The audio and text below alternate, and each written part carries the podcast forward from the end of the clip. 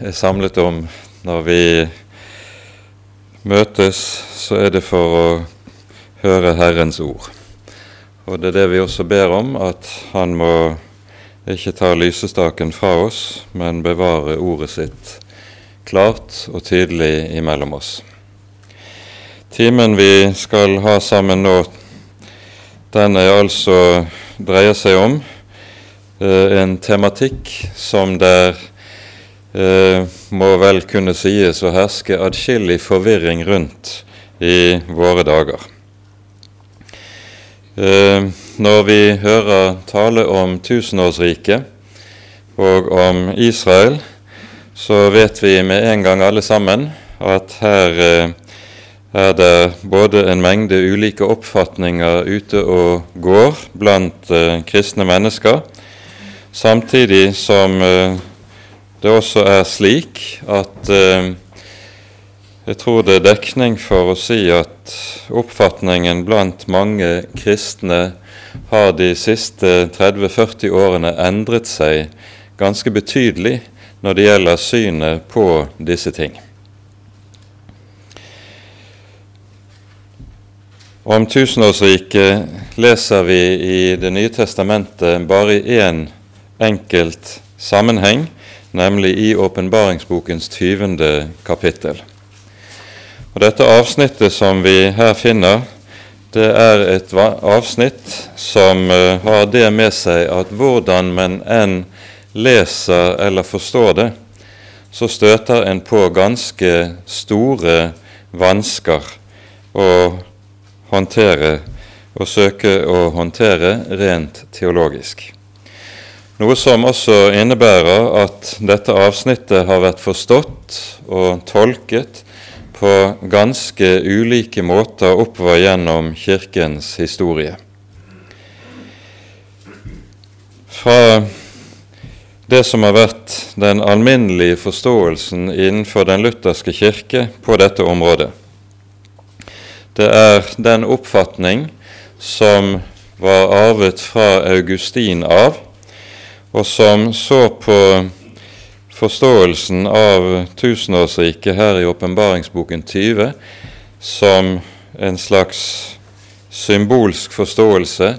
Han hadde det man kaller for en kirkehistorisk tolkning av dette avsnittet. Og Med det mener vi at uh, han forsto talen om tusenårsriket som et bilde på Kirkens historie her i verden, Um, og han leste altså ikke dette avsnittet slik at han så på det som at det talte om et fremtidig eh, rike, et fremtidig herlighetsrike, som eh, en gang skulle opprettes ved Kristi første komme. Slik er det imidlertid blitt vanlig å lese dette avsnittet i våre dager. Og eh, det er i spenningsfeltet mellom disse to ting vi skal eh, fordype oss i denne timen. Men jeg tror vi tar oss tid til nå innledningsvis å lese de seks første versene i Åpenbaringen 20. Jeg så en engel stige ned fra himmelen med nøkkelen til avgrunnen og en stor lenke i sin hånd. Han grep dragen, den gamle slange som er djevelen, og Satan og bandt ham for tusen år. Og han kastet ham i avgrunnen, lukket til og satte segl over ham, for at han ikke lenger skulle forføre folkeslagene, ikke før de tusen år var til ende. Deretter må han slippes løs en kort tid. Og jeg så troner, og de satte seg på dem, og det ble gitt dem makt til å holde dom. Og jeg så deres sjeler som var blitt halshogget for Jesu vitnesbyrds skyld og for Guds ords skyld, og de som ikke hadde tilbedt dyret og dets bilde, og som ikke hadde tatt merke på sin panne eller på sin hånd og de ble levende og hersket sammen med Kristus i tusen år. Men de andre døde ble ikke levende før de tusen år var gått. Dette er den første oppstandelse. Salig og hellig er den som har del i den første oppstandelse. Over dem har den annen død ingen makt. Og de skal være Guds og Kristi prester og regjere med ham i tusen år. Så hører vi deretter om at når de tusen år er til ende, skal Satan løses fra sitt fengsel, og så kommer det en ny tid med nød og elendighet, krig, før den endelige dom så inntrer. Som nevnt altså, så har dette avsnittet vært forstått på vidt forskjellige måter oppover gjennom Kirkens historie. I den eldste kristne tid, før Augustin, forventet en et fremtidig tusenårsrike. Og da forventet en et slikt fremtidig tusenårsrike der det var martyrene som skulle råde sammen med Herren Jesus i disse tusen årene, slik som det også sies ende frem og tydelig i denne teksten. Det som i dag er vanlig når det er tale om et fremtidig tusenårsrike, nemlig at dette knyttes til Israel og eh, gjenopprettelsen av et troende Israel, det var noe som ikke var fremme i bildet i den eldste kristne tid, før Augustin. Så kommer altså Augustin med den såkalte kirkehistoriske tolkning, der han leser dette avsnittet slik at det at Satan bindes, det er bildet på at evangeliet lyder, og der evangeliet lyder, der har djevelen ingen makt. For Jesus overvant den onde rent prinsipielt og grunnleggende på korset, og derfor er det slik at overalt hvor evangeliet lyder, der mister den onde sitt herredømme over menneskene. Og Så blir det for Augustin slik at han leser dette avsnittet som bilde på kirkens tid, der hvor evangeliet råder. Og Denne forståelsen overtar også Luther, og de reformatoriske fedrene fra Augustin og Calvin likeså. Så skjer da det, når du kommer ut på 1600- og 1700-tallet, at det gradvis kommer en endring i denne oppfatningen. Det henger sammen med at i år 1492 Det er Oskar Skarsaune som har skrevet en del om dette så i 1492 så fordrives jødene fra Spania. Et stort antall jøder drives da spres ut over hele Europa. Mange av dem ender opp i Øst-Europa, noen i Palestina. Men ganske mange får frihet i Holland. Og Holland vokser frem til å bli en stormakt på 1600-tallet. Og Det som skjer i Holland på 1600-tallet, er at det gradvis blir en betydelig omgang mellom disse fordrevne jøder og de reformerte kristne, som hører til i Holland. Og de reformerte kristne kommer da til å adoptere en rabbinsk forståelse av historien.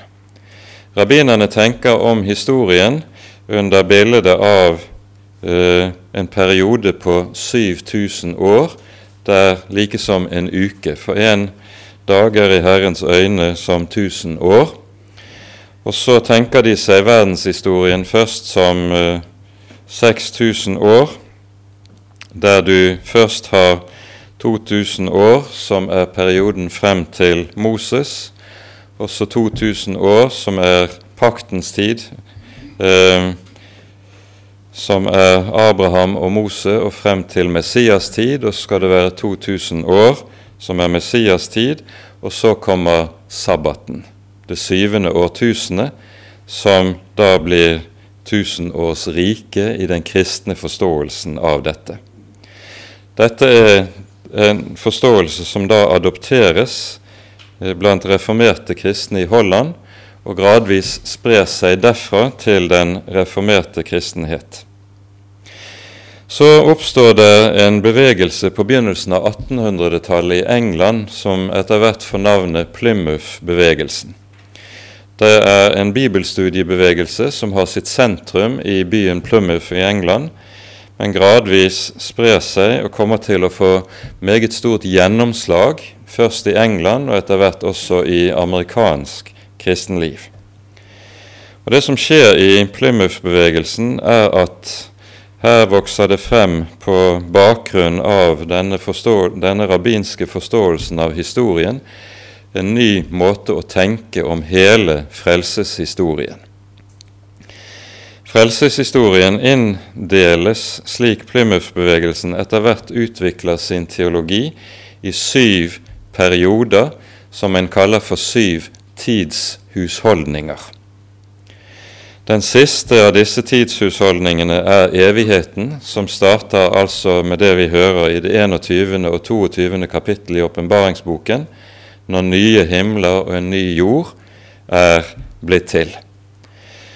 Men den sjette husholdningen forut for dette er da et bokstavelig tusenårsrike. Til å begynne med er det slik at innenfor denne tidshusholdningslæren, den kalles ofte for dispensasjonalismen, etter det engelske ordet for tidshusholdning, som betyr dispensation, eh, så forbindes ikke tusenårsriket med et gjenreist Israel.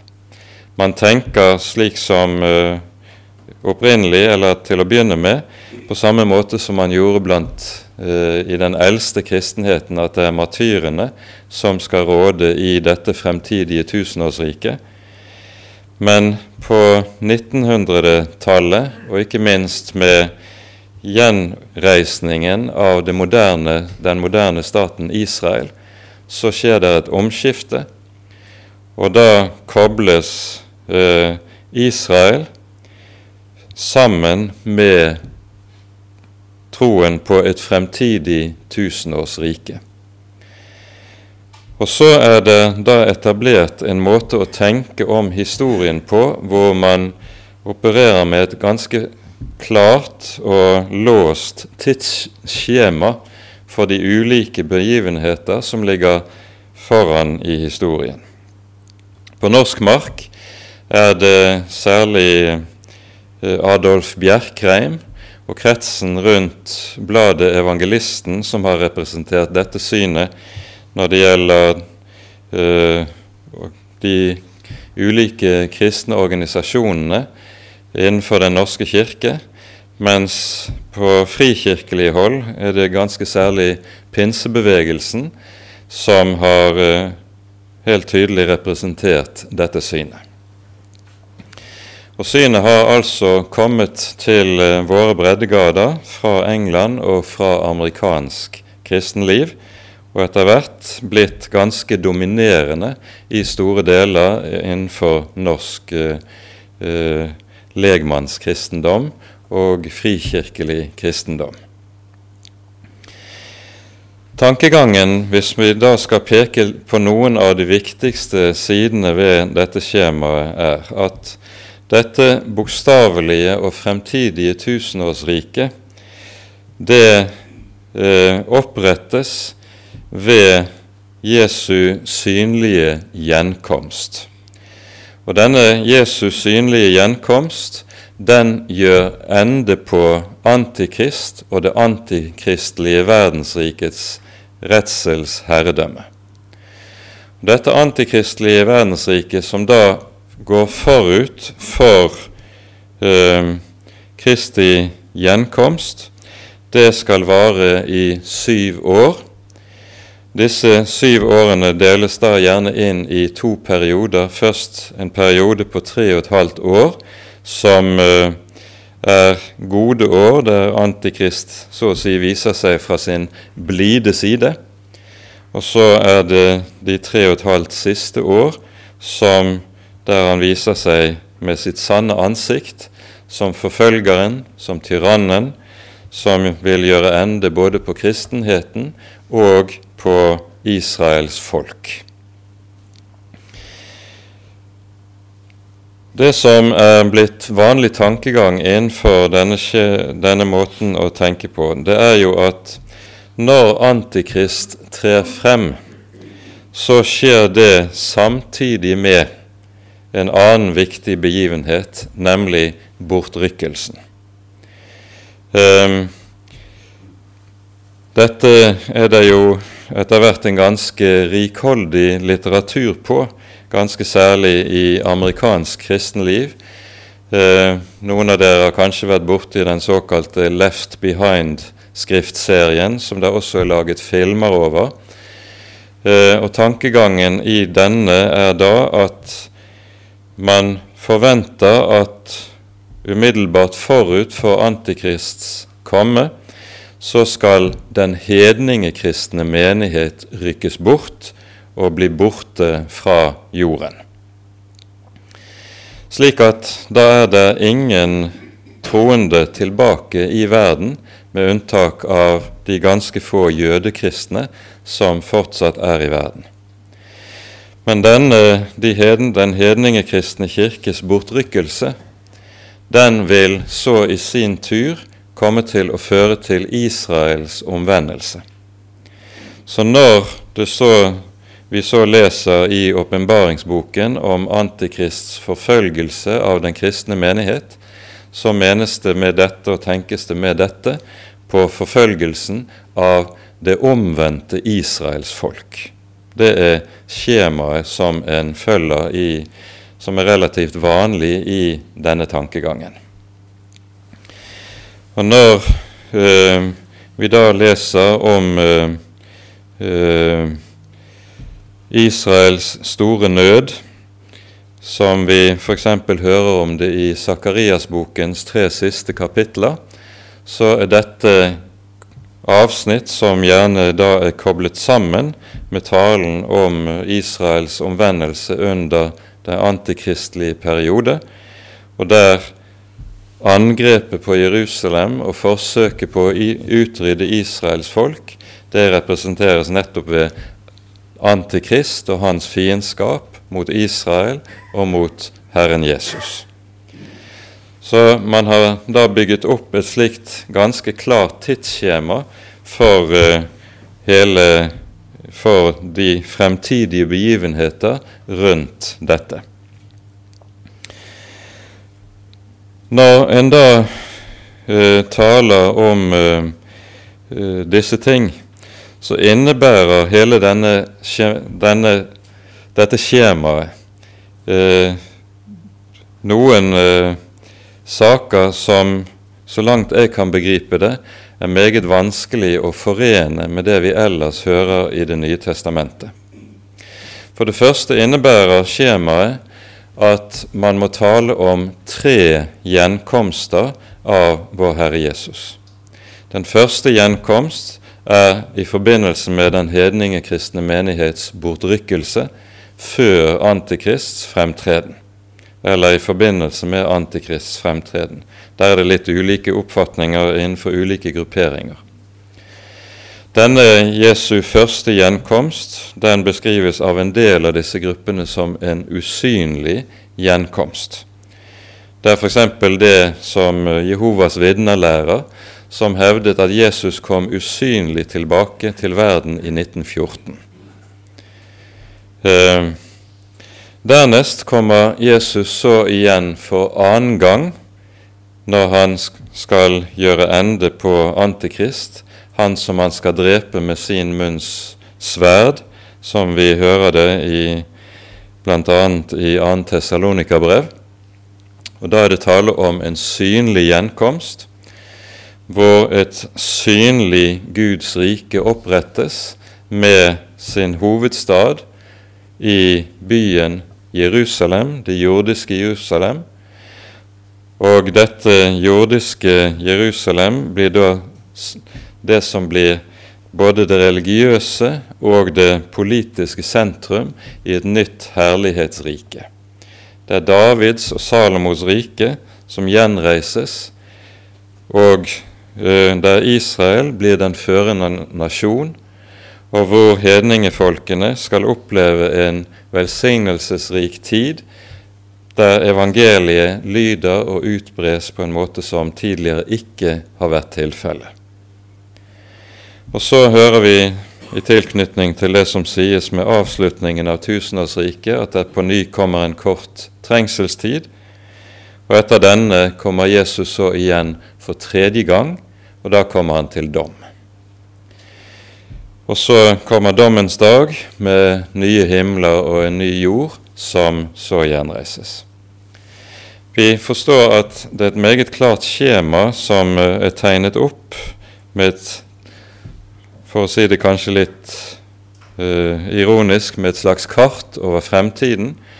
Og dette skjemaet innebærer altså at det er tre gjenkomster av vår Herre Jesus som forutsettes i dette skjemaet.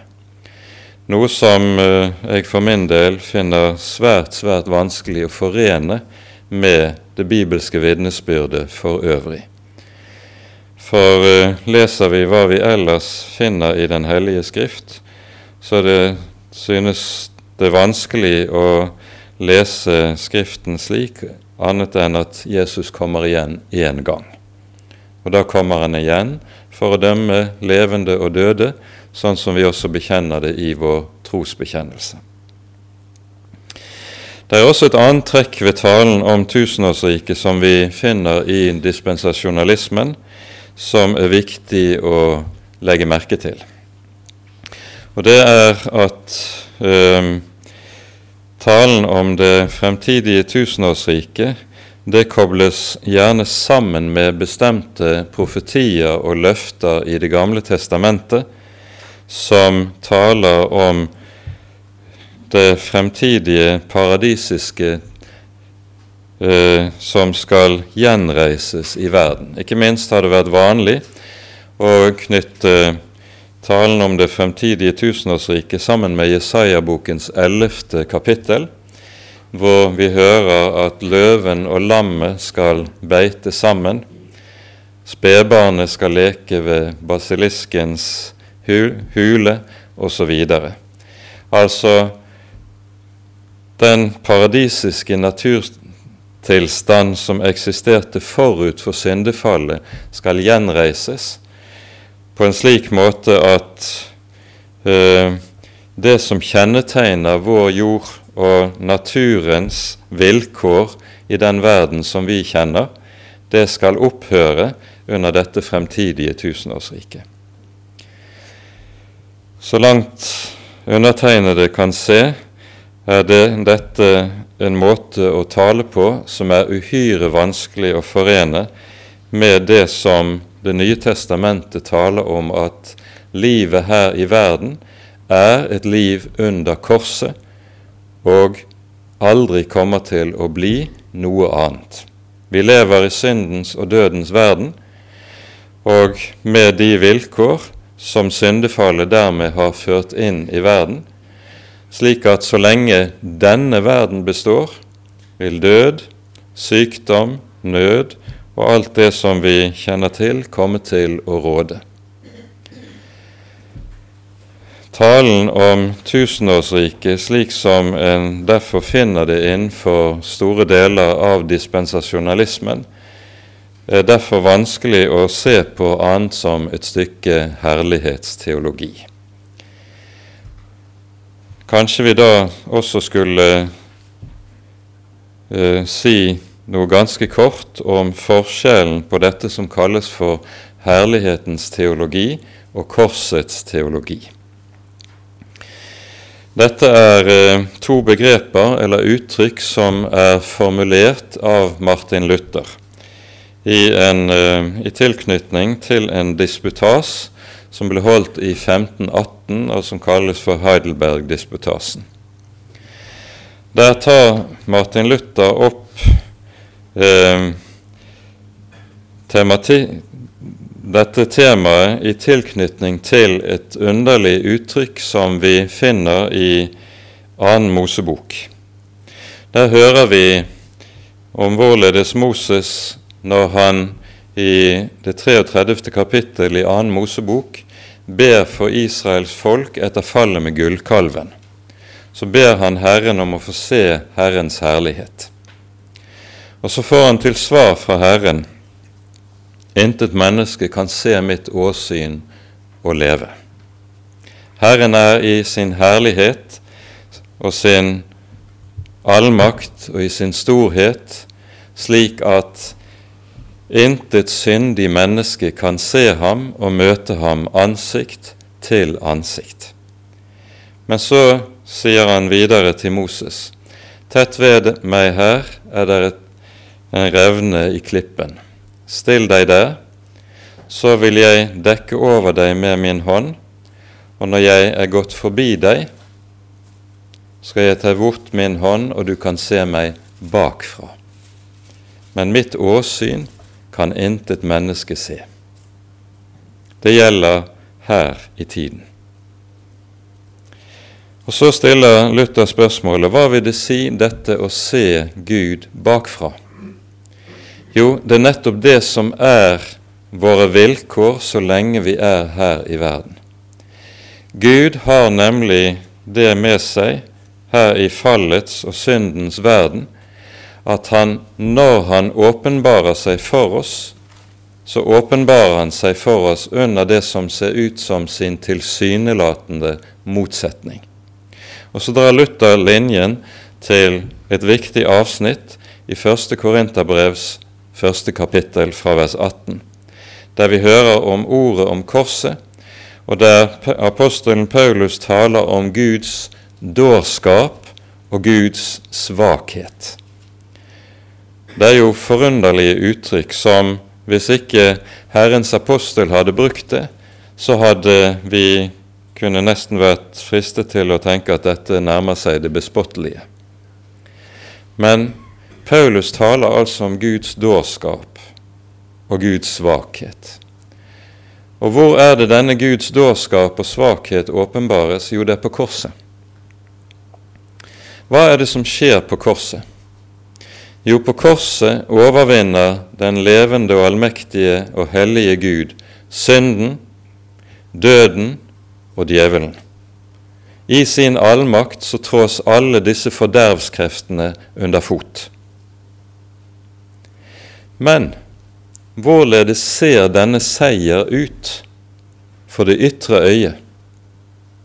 Korset ser jo ikke ut som annet enn det mest ynkelige nederlag og svakhet. Det ser ut som dette som mennesker bare kan smile overbærende og si hva slags hjelp er det en korsfestet snekker? Ingenting. Å feste sin lit til noe slikt er det skjære dårskap. Ja, svarer Paulus, i dette er Guds dårskap. Men Guds dårskap er visere enn menneskene. Guds svakhet, der han lider nederlag på korset, er sterkere enn menneskene, for her trår synd og djevel og mørke og død under fot. Og dette sier Luther videre. Dette er Guds vis å åpenbare seg på her i verden. Når Gud åpenbarer seg, så åpenbarer Han seg alltid for oss under det som ser ut som sin tilsynelatende motsetning.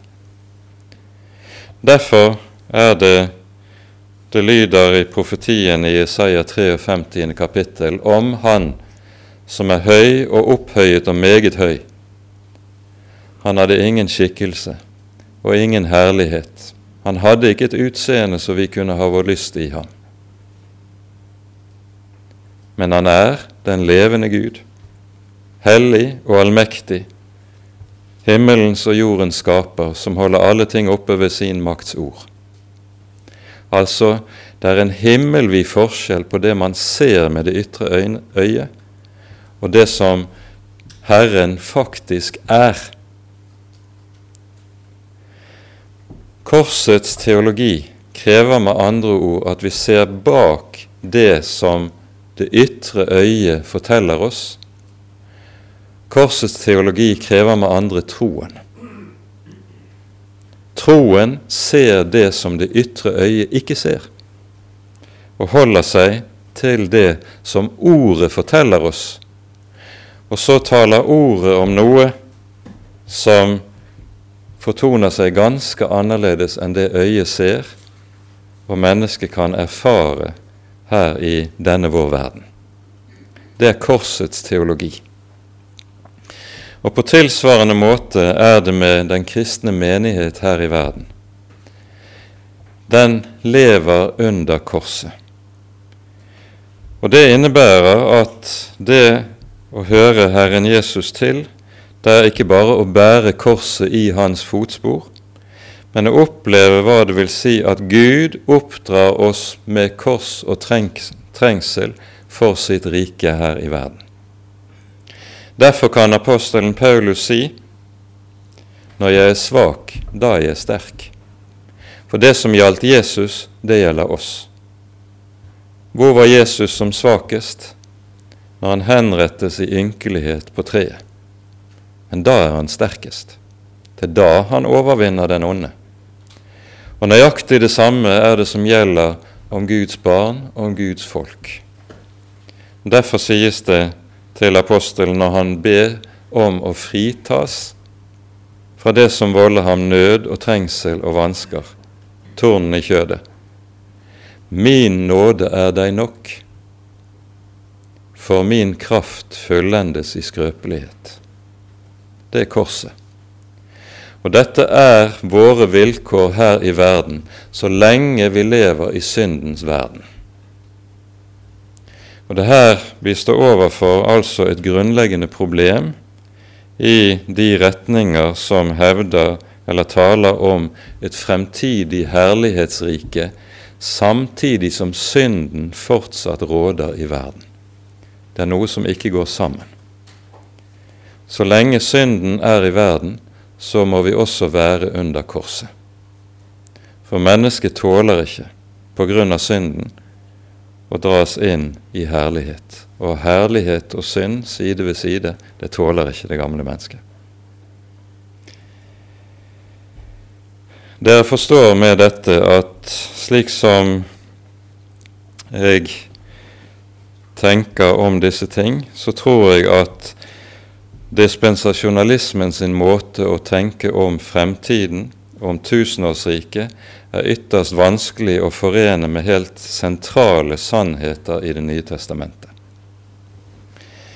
Men da reiser jo med en gang spørsmålet seg hvordan skal vi da forstå åpenbaringsbokens 20. kapittel og det som sies om tusenårsriket i denne sammenheng?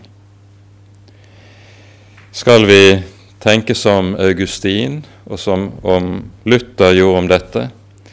I nyere tid hos oss så er det Olav Valen Senstad som har representert dette synet tydeligst i, i Norge. Dette synet representerer også ganske betydelige vansker, fordi det støter mot flere ting som sies i teksten selv. Og For mitt vedkommende innebærer det at jeg er nødt, føler jeg er tvunget til å si om dette avsnittet i åpenbaringsboken kapittel 20. Dette er et av de avsnitt i vår bibel der vi ikke har lys nok til per i dag å kunne si hva det innebærer. Jeg tror vi er nødt til, og vi er tvunget til, å si med Jesu ord i Johannes 14, som vi siterte i går. Jeg har sagt dere det før det skjer, for at dere skal forstå når det skjer. Altså, så vil Herren sørge for at det går i oppfyllelse sånn som Han har tenkt det skal gjøre det. Han våker over sitt ord for å fullbyrde det. Men det er ikke oss gitt å forstå fullt ut hva som ligger i disse ting. Og Jeg tror det er viktig at vi er villige til å ha en slik holdning til deler av bibelmaterialet og kunne si det er ikke alt vi forstår i Bibelen. Og Jeg tror nettopp dette avsnittet i Åpenbaringen 20 er et slikt avsnitt der vi skal opptre med stor, stor varsomhet.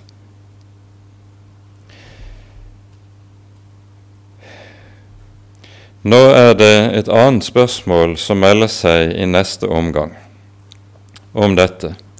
hva da med Israel, og hva da med Israels omvendelse? Taler ikke Bibelen om det? Jo, det gjør den. Og den taler også meget sterkt om det. Hovedavsnittet i denne sammenheng er jo Romerbrevets ellevte kapittel. Nå er det slik at også i denne sammenheng er det meget som ikke er gitt oss å forstå. Men et og annet må vi meget tydelig og klart kunne ta med oss. Vi kan begynne med å lese versene fra, fra med vers 25 i Romane 11. Jeg vil ikke, brødre, at dere skal være uvitende om dette mysterium, for at dere ikke skal anse dere selv for kloke. Forherdelse er for en del kommet over Israel inntil hedningenes fylde er kommet inn. Og slik skal hele Israel bli frelst, som skrevet står:" Fra Sion skal befrieren komme. Han skal rydde bort ugudeligheten fra Jakob. Og dette skal være min pakt med dem når jeg tar bort deres synder. Når det gjelder evangeliet, er de blitt fiender for deres skyld. Men når det gjelder utvelgelsen, er de elsket for fedrenes skyld. For Gud angrer ikke sine nådegaver og sitt kall. Dere var jo en gang ulydige mot Gud, men nå har dere fått miskunn fordi de andre var ulydige, altså nemlig Israels folk. På samme måte har nå de vært ulydige, men ved den miskunn dere har fått, skal også de få miskunn. For Gud har innesluttet dem alle innunder ulydighet, for at han skulle vise miskunn mot dem alle. Vi forstår ganske klart at det som Paulus her taler om, det er en fremtidig omvendelse av det jødiske folk som skal føre til at det jødiske folk vil bli et kristent folk. Og Det er også tydelig at apostelen her knytter sammen, dette sammen med en periode. Han sier Forherdelse er for en del kommet over Israel inntil hedningenes fylde er kommet inn. Og Begrepet hedningenes fylde er vanskelig å forstå annerledes enn at det betyr det antall hedninger som lar seg frelse, som er mulige å frelse. Altså hedningenes fylde sikter til den tid da misjonen har nådd sitt mål, og det ikke lenger er flere mennesker som vil la seg frelse. Og Da skjønner vi at dette verset hører tett sammen med ordet vi hadde fremme i går fra Matteus 4, 24, der Jesus sier dette evangelium om riket skal forkynnes for alle folkeslag, og så skal enden komme. Når Paulus her taler om en periode som også kan kalles for hedningenes tid, så er dette et begrep som vår Herre Jesus også anvender i en bestemt sammenheng, nemlig i Lukasevangeliets 21. kapittel, der, som jo er et kapittel som handler om de siste ting det tilsvarer Matteusevangeliets 24. kapittel, som vi var inne i i går. Men her kommer det en bemerkning fra Jesus som vi ikke hører i Matteus 24.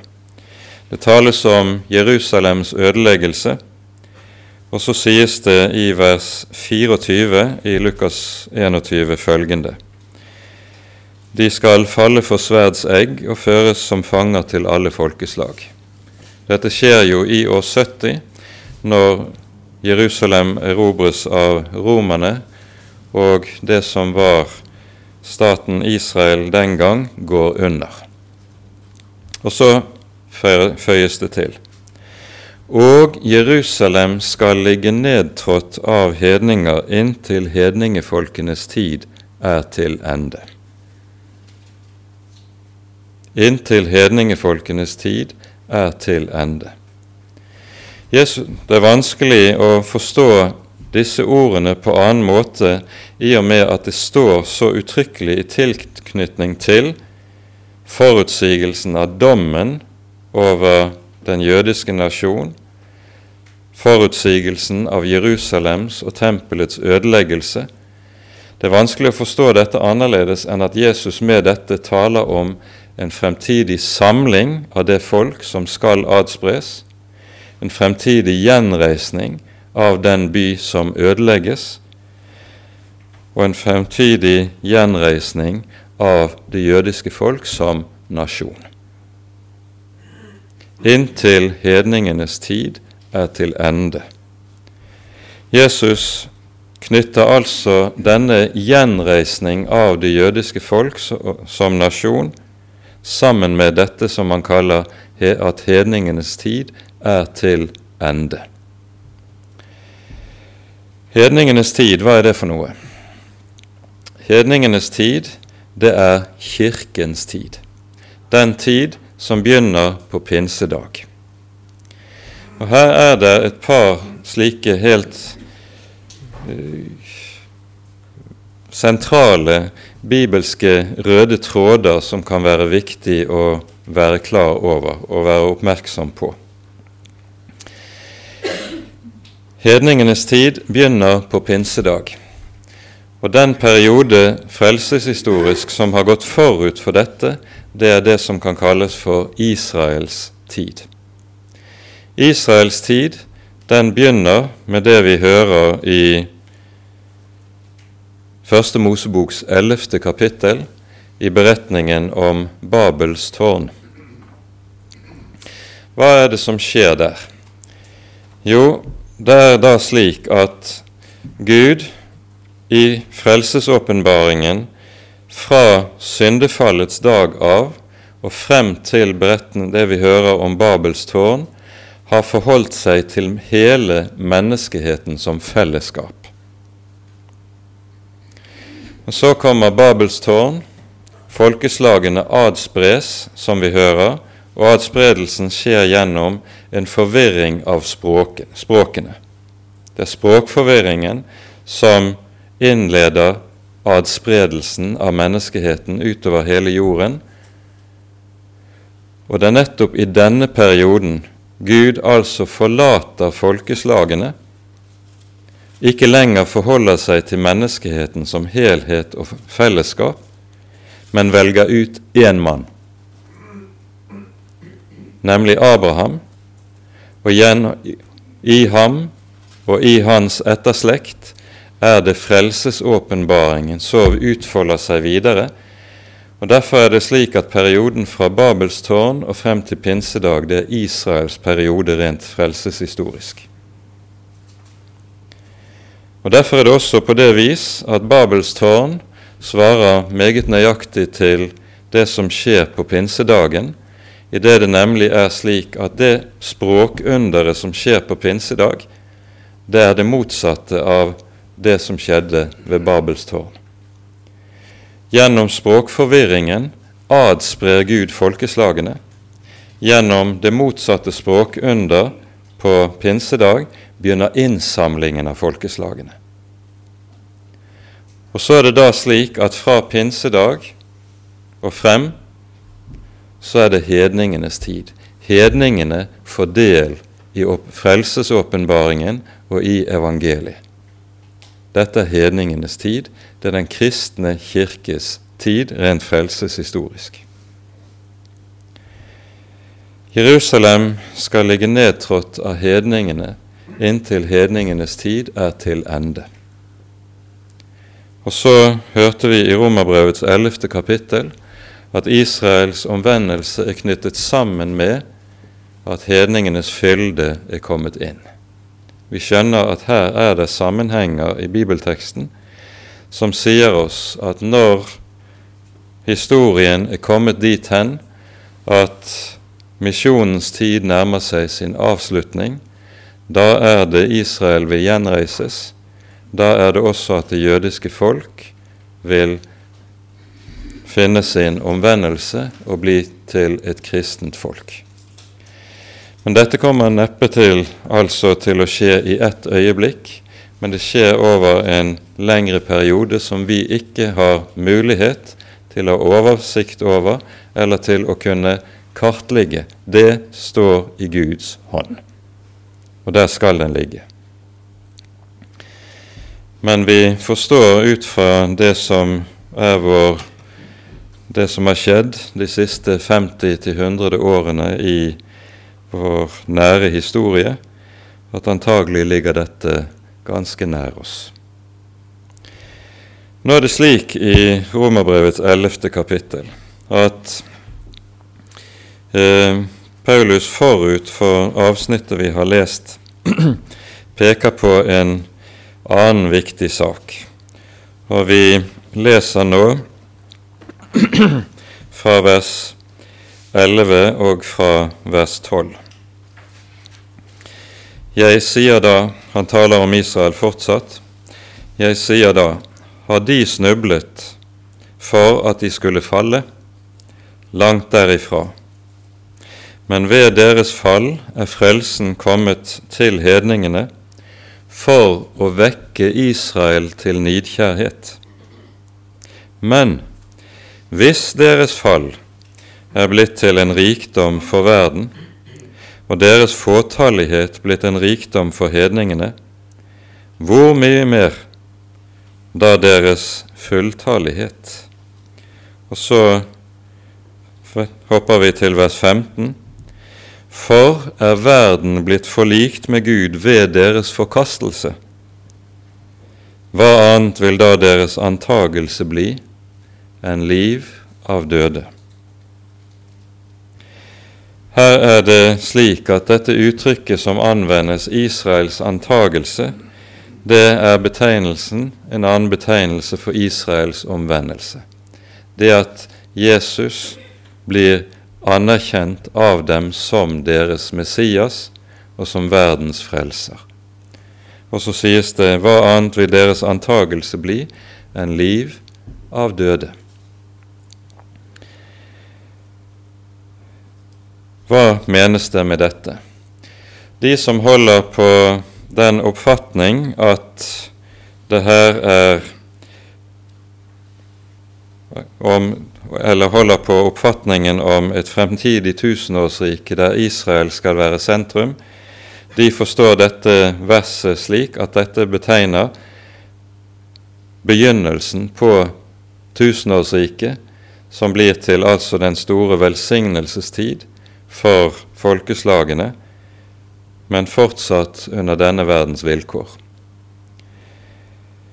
Som dere forstår, har jeg vansker med en slik måte å tenke på, og jeg tror for min del at dette verset da sikter til noe annet, nemlig til at Israels omvendelse innvarsler det som er vårt herlige håp, nemlig at det skapes nye himler og en ny jord, og at det er det som menes med liv av døde.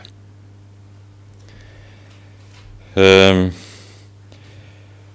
meget i dette må vi også si at vi ikke har forutsetning for å kunne forstå og utlegge i detalj. Men eh, for min del er det da slik at jeg synes bibeltekstene tvinger i denne retning som vi her er inne på. Før vi setter punktum, vil jeg bare komme med en siste eh, li, lite innskudd. I sammenheng med talen om tusenårsriket og de siste ting, så er ordene også i 1. Tessalonikabrevs fjerde kapittel meget betydningsfulle.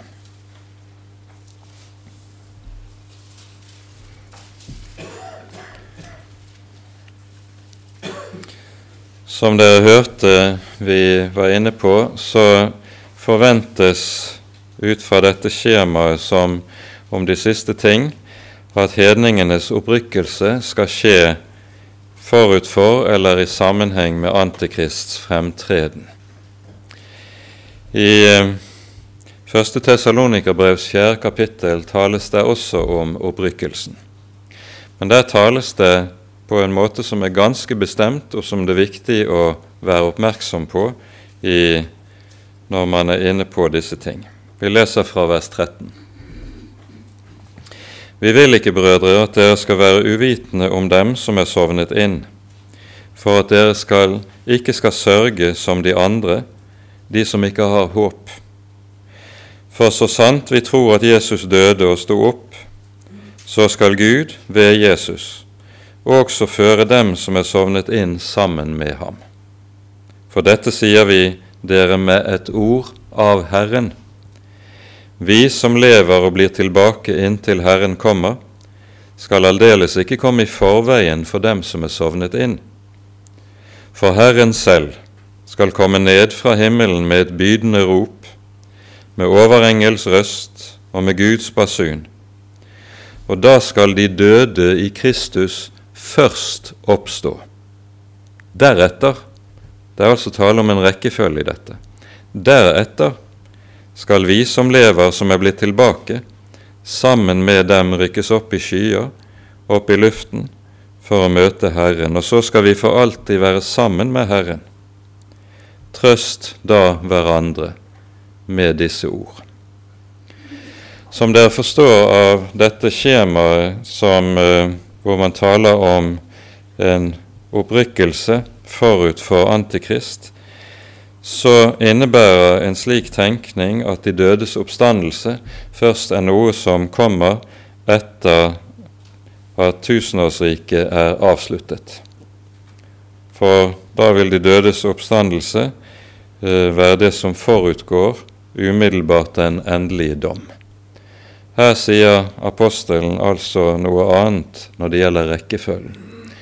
De døde skal først stå opp, deretter skal de som har eier troen, når Jesus kommer igjen, rykkes opp sammen med ham for å være sammen med ham. Så dette er også et, en bit i dette puslespillet som har med spørsmålet om hvordan vi skal forstå det som har med de siste tider og de siste ting å gjøre.